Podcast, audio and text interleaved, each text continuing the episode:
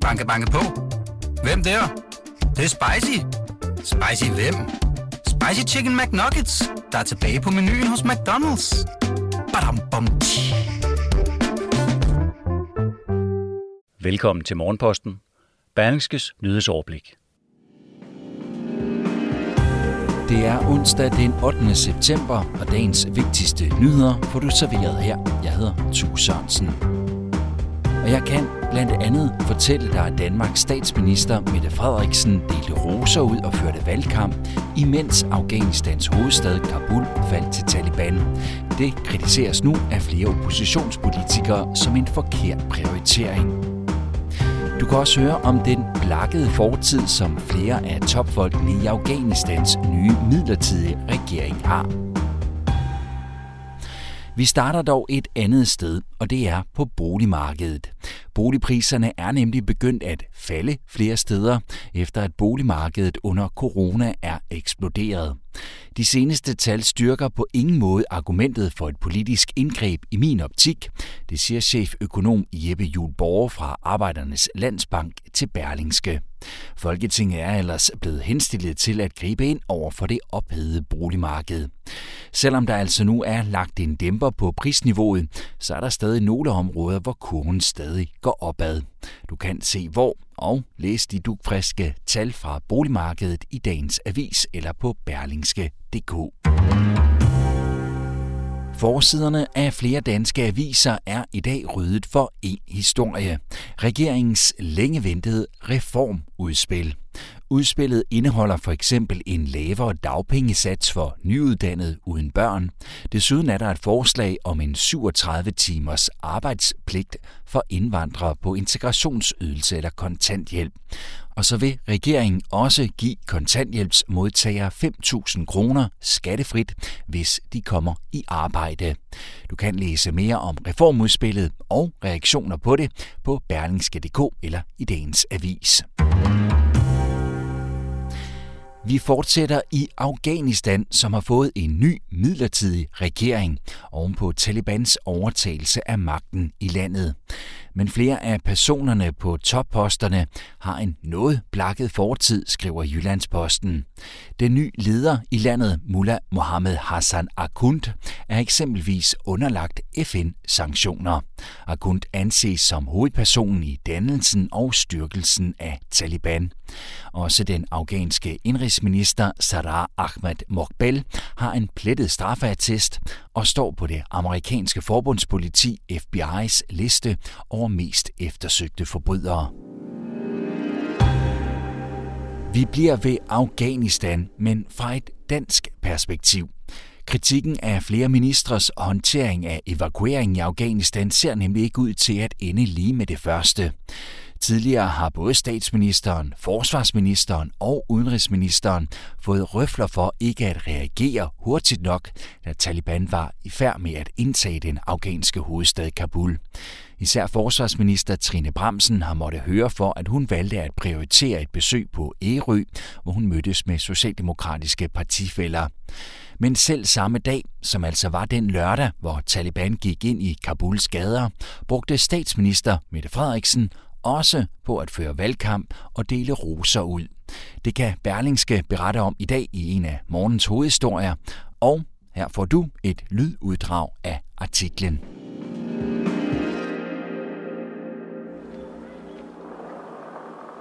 Situationen i Afghanistan var mildest talt tilspidset om morgenen lørdag 14. august. Dagen forinden havde regeringen med alvorstung mine meddelt, at ansatte på den danske ambassade i Kabul skulle evakueres. Mulighederne for at hjælpe de lokalt ansatte ville svinde hurtigt de kommende dage i takt med Talibans hastige fremmarsch, lød det.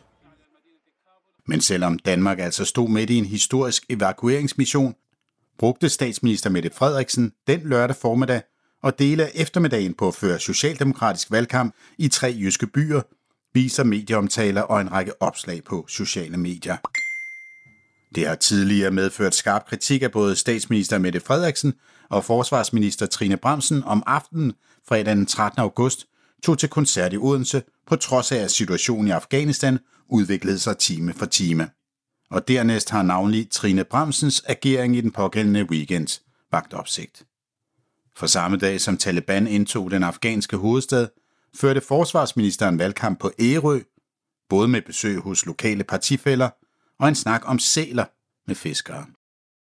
Statsministeren førte også valgkamp i den pågældende weekend. En række videoer og Facebook-opslag viser således, at Mette Frederiksen om formiddagen og ud på eftermiddagen 14. august, få timer inden Kabuls fald om morgenen søndag den 15. august, havde rykket kalenderen til at føre lokal S-valgkamp. Oplysningerne medfører skærpet kritik af statsministerens ageren i de kritiske dage. Det her er ikke en ligegyldig lille sag, men ende på 20 års engagement i et land og den største sikkerhedspolitiske krise i nyere tid. Derfor må man også forvente, at det ikke kun er løjtnanterne, der er på broen, men også kaptajnen, siger Michael Åstrup Jensen, udenrigsordfører i Venstre og næstformand i Udenrigspolitisk Nævn. Han forklarer, at han allerede fredag den 13. august om morgenen blev ringet op af Jeppe Kofod.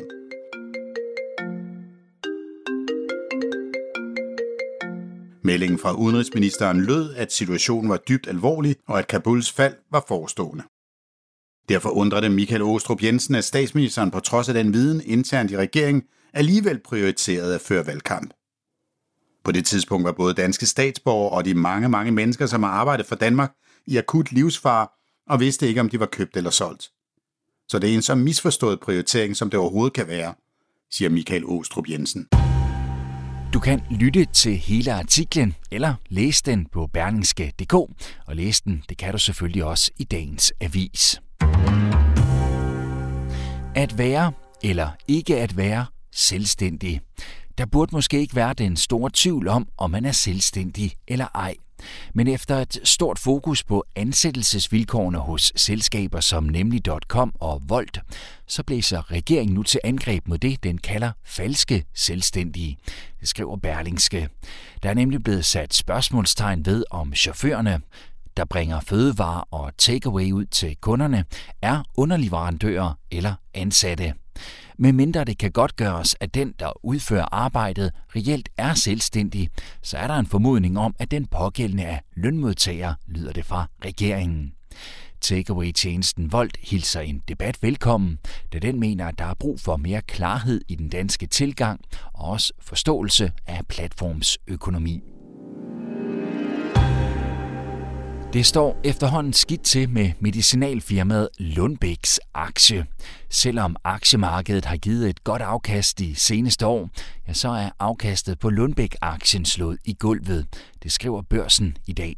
Mens C25-indekset er bulleret frem med et afkast på 149 procent siden 2015, ja, så har Lundbæk-aktien kun givet et afkast på 54 procent i samme periode. Og det får investorer til at grue for fremtiden.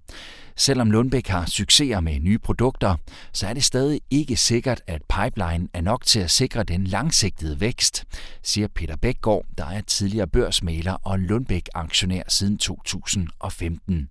Han er også bekymret for udmeldinger fra Lundbæk om, at opkøb skal være med til at løse selskabets vækstknibe. Til sidst et par ting, der sker i dag. Her skal der både stilles spørgsmål og svares til et åbent samråd, som uddannelses- og forskningsminister Ane Halsbo Jørgensen og beskæftigelsesminister Peter Hummelgaard er indkaldt til. Både spørgsmål og svar kommer til at gå på, hvordan man vil sikre, at nyuddannede akademikere kommer hurtigere i arbejde. Og så kan du møde en masse unge mennesker, hvis du tager en tur forbi Valbyparken i København. Her bliver Ungdommens Folkemøde 2021 skudt af stabet. Ungdommens Folkemøde varer til og med torsdag. Det var alt for Morgenposten. Berlingskes nyhedsoverblik var redigeret og indtalt af mig, der hedder Tue Sørensen. Ha' en god onsdag.